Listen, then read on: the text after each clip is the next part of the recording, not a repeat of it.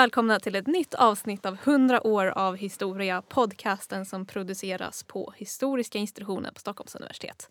Jag heter Emmy och med mig har jag Oskar. Tack så mycket. Ja, det var ett, ett tag sedan vi kom ut med vårt Ja. senaste program. Ja, äntligen är vi tillbaka. Äntligen tillbaka. Det är ett mycket spännande program också. Vi har ju med oss eh, två eminenta historiker från vår institution. Mm. Precis som förra gången. Precis som förra gången. Och inte gången innan det, men första gången. Precis. Ja, det är vårt signum skulle man kunna säga. Precis. Vi har fortfarande ABF-föreläsningar på ABF-huset. Var- Förlängt. förlängt. Eh, om man vill kika på programmet så kan man surfa in på webben. Det är historia.su.se och sen klicka sig fram till rätt flik där. Idag ska vi inte prata om en ABF-föreläsning. Idag ska vi prata om regimskiften under tidig modern tid i Sverige. Då snackar vi alltså 1500-tal fram till eh, nästan 1800-tal i det här fallet. Och då har vi med oss helt enkelt två stycken seniora forskare. Vi har Magnus Linnarsson som är docent i historia. Mm. Och så har vi Mats Hallenberg som nu är professor i historia. Vi finns på Facebook, 100 år av historia. Väldigt lätt att komma ihåg. Och för dig som gillar att pimpla lite vin medan du sitter och lyssnar på din podd så kan du eh, ta en klunk varje gång vi säger regimskifte under det här avsnittet. Och med det sagt så säger vi välkomna till Mats och Magnus. Tack, så mycket. Eh, dagens tema är regimskiften som Mats och Magnus eh, tillsammans med Joakim Skärp eh, håller på och undersöker i ett forskningsprojekt. Vad kännetecknar ett regimskifte och vilka skiften är det ni ämnar att undersöka? Ja, om vi tar begreppet regimskifte till att börja med så finns det en enkel förståelse att det helt enkelt handlar om att man byter härskare. En statsminister avgår eller en kung blir avsatt eller dör. Men eh, vi följer egentligen eh, två statsvetare som heter eh, Jan Theorell och Johannes Lindvall och som har definierat regimskiften som en eh, profound shift in the way of making politics. Det är alltså ett eh, politiskt skifte där man helt byter system från ett till ett annat. Där de normala spelreglerna ändras under ett ganska kort intensivt skede. Det ska helt enkelt vara ett radikalt skifte av sättet som politiken utförs eller genomförs. Det ska inte bara vara att man eh, byter regering som vi tänker att man gör idag till exempel om det sker ett eh, riksdagsval. Utan här ska det vara någonting mer. Och tittar man historiskt sett så landar man ju såklart då ofta på statskupper eller andra ofta våldsamma händelser då när, när det ena regeringssättet avlöses av det andra. Men det behöver inte alltid vara på det viset och det kommer vi kanske återkomma till sen då när vi pratar lite mer om de olika regimskiftena som vi har tänkt oss att undersöka. Mm. Och det här projektet sträcker sig över ganska lång tid, alltså hela den tidmoderna perioden. Hur, hur många regimskiften kan ni se på, på hela den här långa perioden? Ja, vi har ju valt ut kan vi säga sex stycken regimskiften som vi menar är just sådana här som Magnus säger som totalt förändrar spelreglerna. Och eh, jag har tagit ett från 1500-talet, ett från 1600-talet. Joakim Skärp har tittat på början av 1700-talet och Magnus på slutet av 17, början av 1800-talet. Och eh, vi hävdar väl att just de här regimskiftena är de mest tydliga eh, radikala eh, bytena av politiskt system under hela den tidigmoderna perioden. Och då kan vi lägga till att vi försöker ju då inte undersöka 300 år utan tvärtom. Vi har identifierat sex stycken intensiva skeden och så försöker vi jämföra dem. Så att det är alltså en jämförelse över tid vi gör. Mm. Fallstudier skulle vi kalla det, eller case studies. Men eh, Mats, Magnus, eh, skulle ni kort kunna berätta om de eh, sex nedslagspunkter som ni har? Ja, vi har alltså identifierat sex stycken regimskiften då de politiska reglerna förändras väldigt eh, drastiskt och radikalt under korta perioder. Det första då är Gustav Vasas så kallade tyska period då kungen började bygga upp en modern byråkrati utifrån europeiska, centraleuropeiska principer. Och samtidigt så förändras Sveriges konstitution från ett medeltida valkungadöme till ett mer tidigmodernt arvrike. Eh, nummer två bland regimskiftena är då Axel Oxenstiernas eh, byråkratiska reformer under 1620 och 30-tal då rikets styre förändras från ett personligt kungadöme där kungen själv måste ta del i alla ärenden till en mer eh, rationell byråkrati som kan fungera oberoende eller i alla fall utan kungens direkta personliga ledning. Eh, så tittar vår eh, nummer tre, vår kollega Joakim Skärp, tittar på enväldets införande och framförallt kanske det sena enväldet under Karl XIIs sista år. Vi får ett ganska extremt kungastyre. Väldigt många av de politiska församlingar, institutioner som har byggts upp under de föregående åren sätts ur spel. Därför att kungen vill ha ett mycket mer direkt personligt styre. Och det är också eh, Joakims båda delstudier ligger ganska nära varandra i tid. Den fjärde och avslutande är ju då Eh, enväldets fall och övergången till frihetstiden som egentligen har att göra med när, eh, när Karl XII ställer om hela statsförvaltningen för att möta de här hårda kraven som kriget ställer. Ibland kallar man det för den Görtska perioden när eh, Görtz kommer in som förste minister och man egentligen driver en politik som bara handlar om att man ska skaffa mer resurser för att kunna klara av att driva kriget. Och sen är nummer fem det som är ett skifte som avslutar fredstiden och leder över då till Gustav IIIs tid. Det tittar jag själv på. Det är då en period som jag har satt mellan riksdagen 1600, nej, 1765-66 fram till dess att eh, Gustav III genomför sin kupp 1772. De här förändringarna hänger ihop menar jag. Förändringarna av eh, riksdagens sammansättning i slutet på 60-talet leder över till det här, den labila politiska situationen som leder fram till kuppen. Då. Och här har vi då en förändring från en stark bruttodemokratisk möjligen, men en regim där parlamentet har mycket att säga till om som då går över till en regim där kungen skaffar sig mer och mer makt och så småningom blir det då det som man brukar kalla det gustavianska enväldet. Och sen avslutar vi med eh, delstudie 6 som handlar om statskuppen 1809 när Gustav IV Adolf eh, fråntas makten och när Sverige då så att säga glider över i 1800-talet. Vi får en ny kungaätt på tronen så småningom och eh, också en ny regeringsform då såklart 1809 som får stor betydelse för den följande utvecklingen under 1800-talet. Men eh, resultatet av allt det här, vad, vad, kommer det bli? Kommer det bli en bok? Kommer det bli en, en rapport?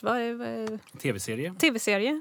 Eh, naturligtvis en tv-serie, en mm. film och ett dataspel ja. har vi tänkt att vi ska kunna lajva eh, lite regimskiften. Mer allvarligt så tänker vi oss eh, en bok. Mm. Eh, just därför att vi, vi har ju våra respektive delstudier men de är egentligen inte intressanta i sig själv. Jag kommer i, i, min forskning om Axel Oxenstiernas reformer inte att, att komma fram till så mycket nytt. Utan det nya här tänker jag är att vi kan jämföra inte bara Gustav Vasa och Axel Oxenstierna utan också med Karolins tid, frihetstid och så småningom 1809-1810 då. Så det ligger i själva jämförelsen och därför har vi svårare att, att uh, publicera en del i taget. Så vi tänker oss en bok och eh, om det blir som vi vill så vill vi skriva den på engelska.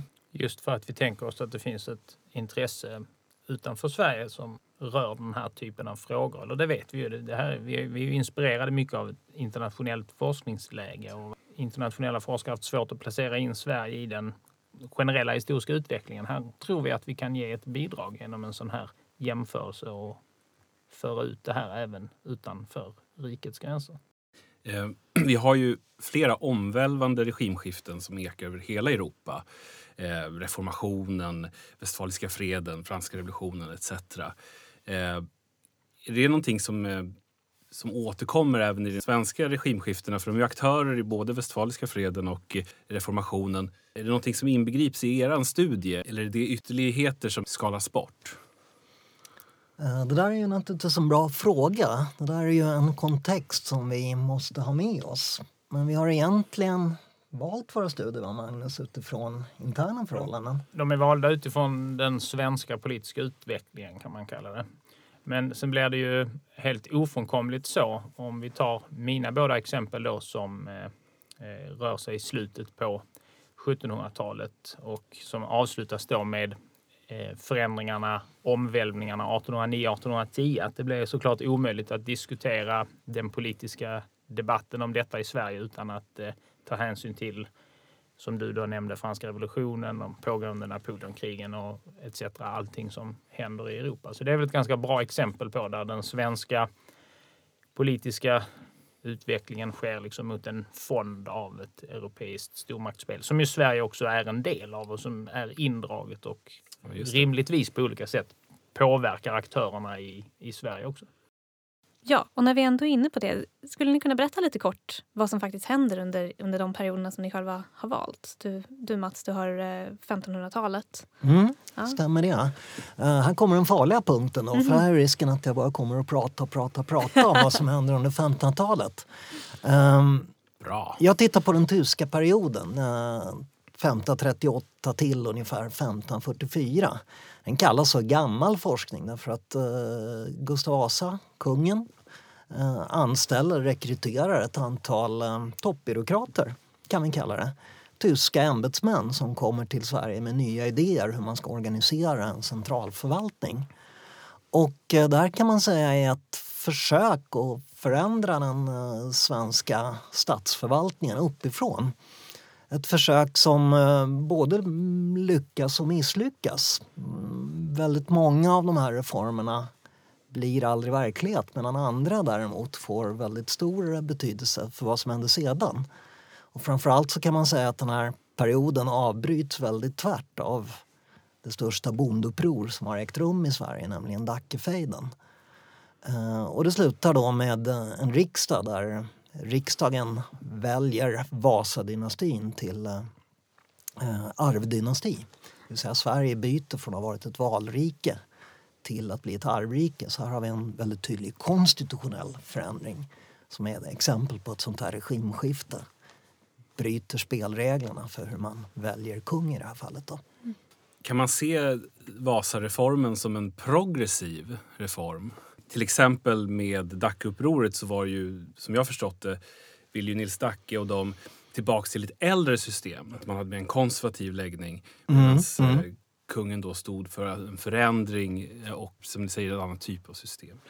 Man skulle ju kunna tala om det i sådana termer men det är lite farligt tycker jag. För tidens diskurs handlar egentligen både Nils Dacke och Gustav Vasa väldigt, väldigt noga med att säga att de inte vill införa någonting nytt. De vill bara gå tillbaka till någonting gammalt och fint. Det beror på att det här med eh, trygghet, att veta vad som ska hända, kalkylerbarhet på mer modern byråkratiska är väldigt viktigt för alla människor. Och, och, därför så uttrycker man det sällan som att man ska genomföra någonting nytt utan man ska gå tillbaka till någonting gammalt. Men i vårt projekt för att kunna jämföra olika fall så har vi tänkt att de här regimskiftena de, de påverkar framförallt två saker. Ett, statens kapacitet. Förmåga att ta in skatter, eh, ämbetsmän, humankapital, vilka som arbetar i statsförvaltningen. Tillgång till och utnyttjande av information.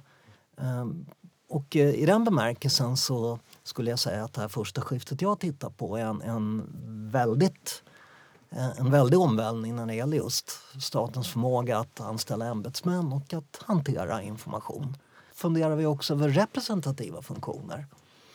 Därför att det är ju så att ett eh, regimskifte kan ju resultera i en starkare stat men ett väldigt autokratiskt styre. Så därför vill vi också mäta huruvida representativa funktioner, riksdag, undersåtarnas möjligheter att överklaga och sånt där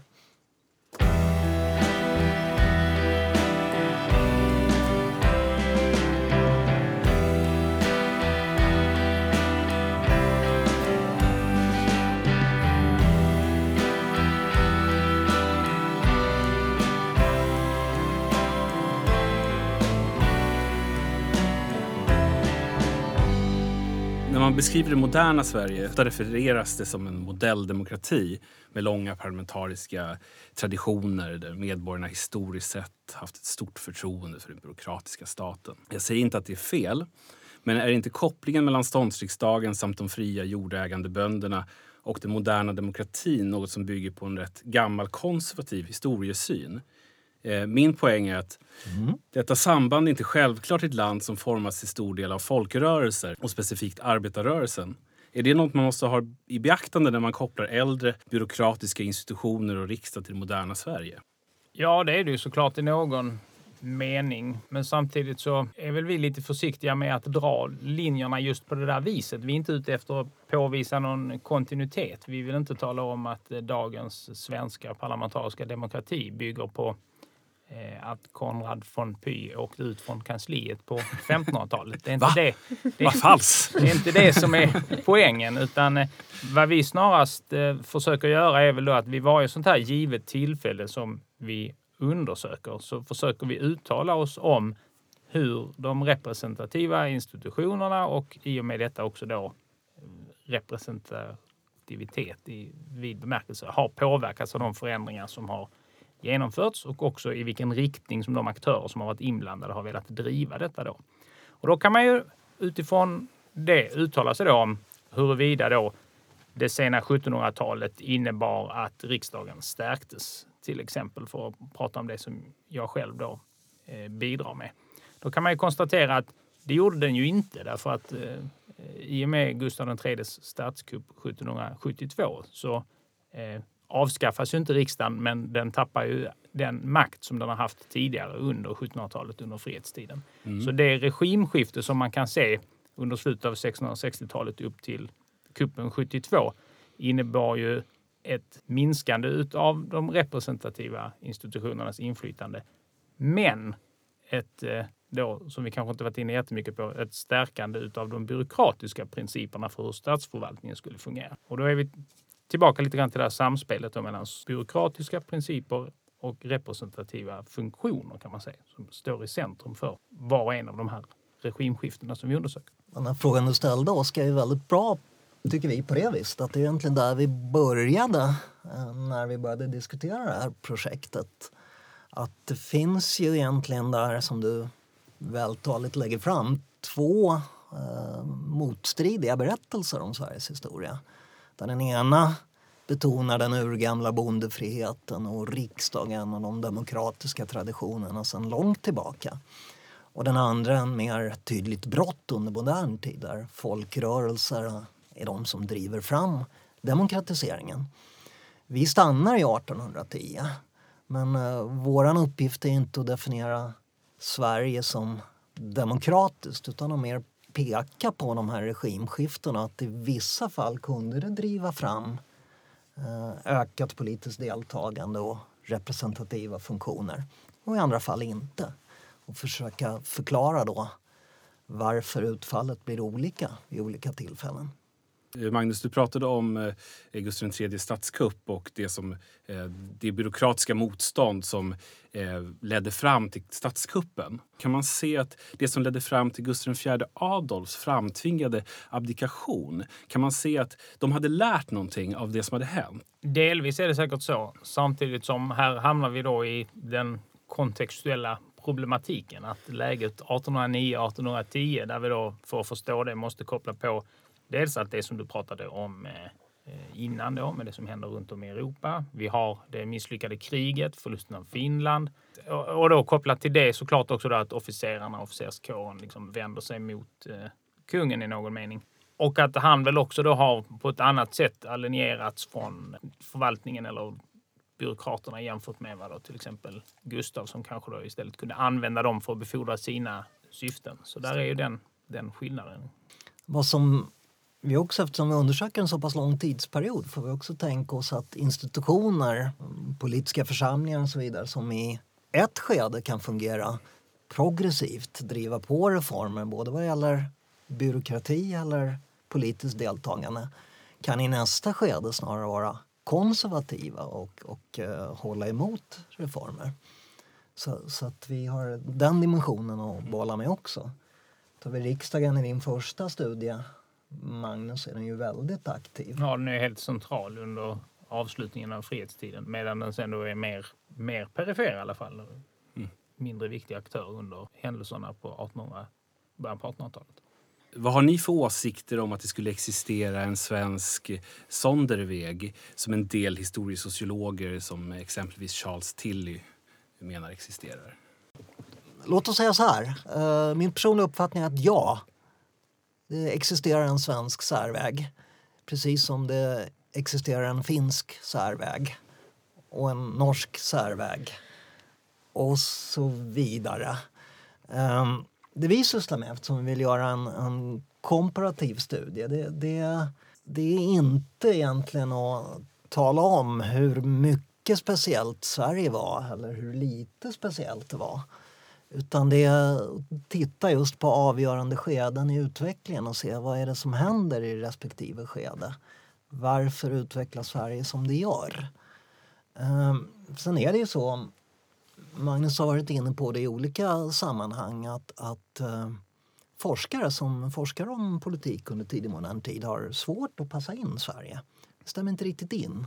Vilket vi då har ju försökt vända till en styrka för projektet. Därför att istället så är ju Sverige då ett alldeles utmärkt exempel för att titta på den här typen av frågor. Eftersom vi har de här svängningarna eller pendlingarna mellan olika styresskick under hela den här perioden. Vi har absolut envälde gränsande till militärdiktatur för att använda enklare ord.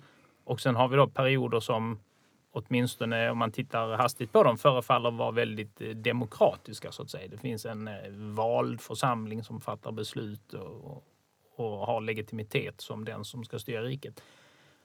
Och under alla de här 300 åren så pendlar det mellan olika varianter på de här i ganska mycket snabbare takt än om man skulle till exempel jämföra med de här stora staterna nere på den europeiska kontinenten då. England, Frankrike som visserligen har sina revolutioner och regimskiften men där det ändå är många, många gånger är det mycket längre sjok av tid där det är liksom i någon mening stabilitet på den nivån när vi pratar om vem som ska styra riket. Det är väl så det finns ju på europeisk nivå, vi pratar eh, Västeuropa, Centraleuropa, så finns det ju under tidig modern tid två stora berättelser ofta om hur staten är. Antingen har vi den franska kungastyrda, så småningom absolutistiska monarkiska staten. Eller så har vi den parlamentariska konstitutionella staten, framförallt i England eller i Nederländerna. Eh, och Sverige blir då intressant som ett fall som inte riktigt vill stämma in här. Där det dels finns ett antal skiften mellan det ena och det andra och där det under långa perioder verkar finnas både en stark kungamakt och ett starkt parlament. Det här låter ju som ett väldigt enormt projekt. Det sträcker sig över lång tid och jag kan tänka mig att det finns många källor på det här som ni undersöker. Rent praktiskt, om vi tar ner det på en konkret nivå, hur, hur jobbar ni faktiskt med projektet? Och vad har ni för källor? Ja, till att börja med så utgår vi väldigt mycket utifrån forskningslitteraturen. Det finns ju enormt mycket litteratur bara om de här regimskiftena. Och vi kan inte välja alla aspekter av dem utan vi, vi har läst forskningslitteratur och sen så tittar vi på i respektive regimskifte finns det något förlopp som är särskilt viktigt, som är särskilt intressant. Um, riksdagarna, vad riksdagarna gör är till exempel intressant. Så när jag börjar på 1500-talet så tittar jag på riksdagshandlingar. Den här förändringen, konstitutionella förändringen som mm, vi ser i, när det gäller från valrike till arvrike är också intressant. Så då tittar jag på dokument som handlar om det. Eh, jag tittar på den byråkratiska organisationen på central nivå. Så då handlar det om riksdagshandlingar, om förordningar kanske och eh, sådant material. Och där är vi nog ganska konsekventa genom alla de här delstudierna. Då, att det är den typen av material som vi använder för att komma åt de här sakerna. Om vi tar mitt ena exempel då, fredstidens avslutning, så eh, en orsak till den är ju såklart då partimotsättningarna mellan olika grupperingar inom riksdagen och inom förvaltningen kan man lägga till. Eh, hattar och mössor har ju alla förmodligen hört talas om då. Eh, och eh, det är ju ingen konflikt eh, som är okänd på något sätt utan den är välbelagd och många har skrivit om den innan. Utan vad jag då har gjort är att försökt se, finns det då någon specifik fråga där den här motsättningen blir extra tydlig som man kan använda för att exemplifiera? Då jag till exempel har tittat och håller på att titta på utnämningspolitiken då, regelverket för eh, vem som ska eh, tillsättas på högre ämbeten inom staten och sånt där inte heller alls en okänd fråga, men en, ett ganska bra exempel på där den här konflikten mellan de olika aktörerna kommer till uttryck och där också eh, riksdagen så att säga är de som ska bevilja de här förändringarna och som sen då leder vidare till när kungamakten griper in och vi kommer framåt mot kuppen. En röd tråd som vi har gemensamt eh, som är resultatet av de här regimskiftena det är ju inte alltid men ofta regeringsformer. Arvriket 1544 betraktar jag och andra forskare som just en konstitutionell grundlag. 1634 års regeringsform en annan sådan. Eh, frihetstiden inleds också med en ny regeringsform som eh, Joakim Skärp studerar då. Och Magnus studerar då så småningom 1809 års.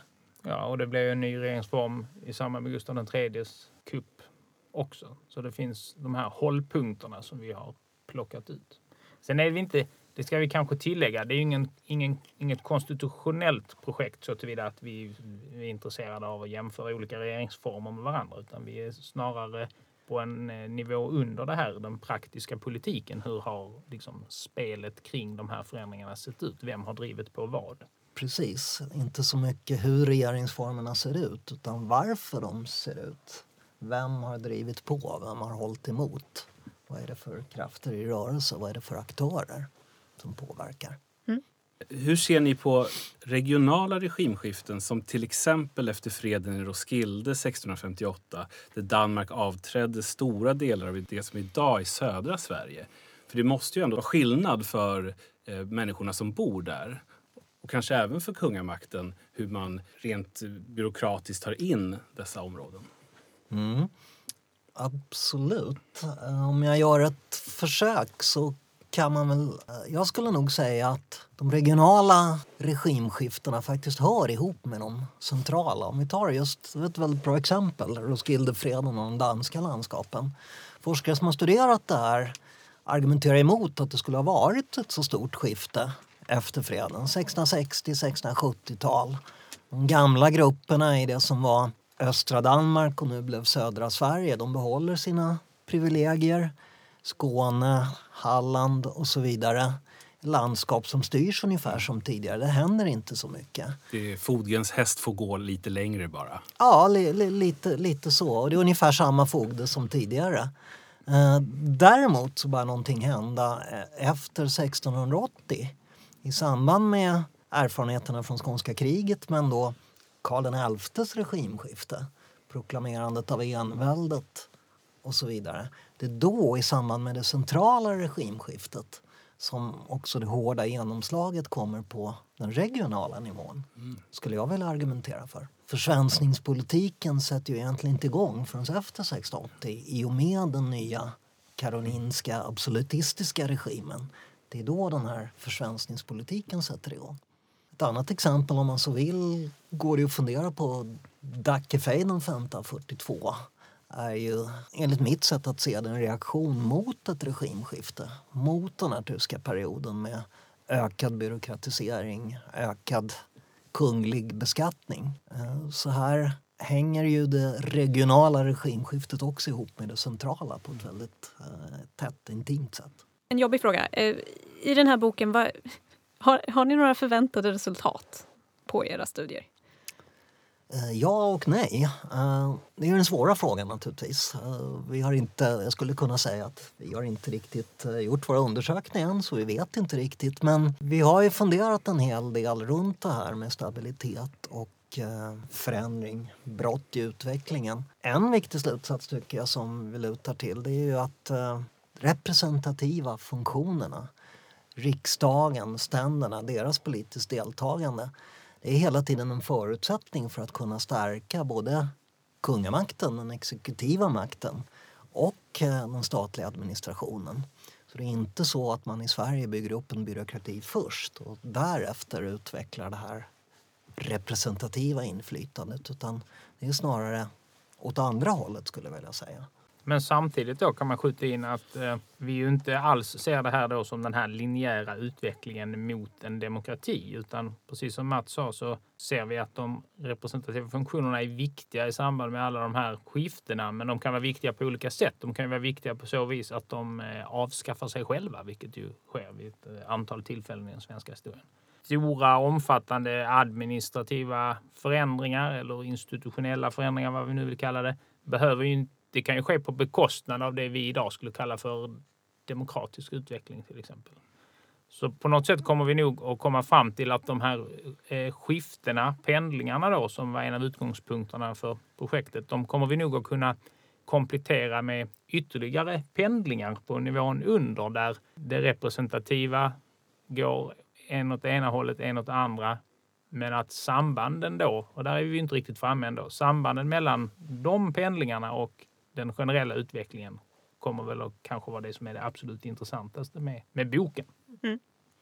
En annan mer meta-analys skulle kunna vara att de här regimskiftena ändå är just betydelsefulla för att driva på både politisk och administrativ förändring. För man skulle ju kunna tänka sig att det inte är så mycket som händer. Under en intensiv period så införs ett envälde men så småningom går det tillbaka till allt som har varit tidigare. Och sen under en period har vi i och för sig ett parlamentariskt styre men sen så går det tillbaka. Så att det finns någon slags grundläggande stabilitet. Men vad vi har tittat på hittills så vill vi nog snarare betona förändringen. Att eh, de här skiftena är kanske betydelsefulla för att driva på både utvecklingen till en starkare stat och ett starkare representativt inflytande. Och vi studerar ju inte 1800-talet men om vi tänker oss att 1800-talet faktiskt var en väldigt konservativ period det är vad andra forskare har påstått så är det också en period där det egentligen inte finns sådana här regimskiften. Och när kan vi läsa den här boken? Planen är väl att det ska finnas eh, någonting att läsa under 2021. Ja, vi ser fram emot att läsa den när den är utgiven helt enkelt. Mm. Ja, jag hoppas det. För att citera Fredmans epistel nummer 81. Lillklockan klämtar till storklockans dön så är nu timman slagen för detta avsnitt. Betell på er, grevar och baroner. ja. Eh, tack så mycket, Magnus Linnarsson och Mats Hallenberg. Tusen tack själv. Tack så mycket. Och vi ses nästa gång nästa år. Nästa år, ja. ja. Precis. Stämmer. Och då ska vi prata lite om slaget vid Brunkeberg. Sen kommer också en, eh, en eh, lite specialavsnitt eh, med kvinnohistoria mm. och institutionens förhållande till denna. Just det. Ehm, god jul. Gott nytt år.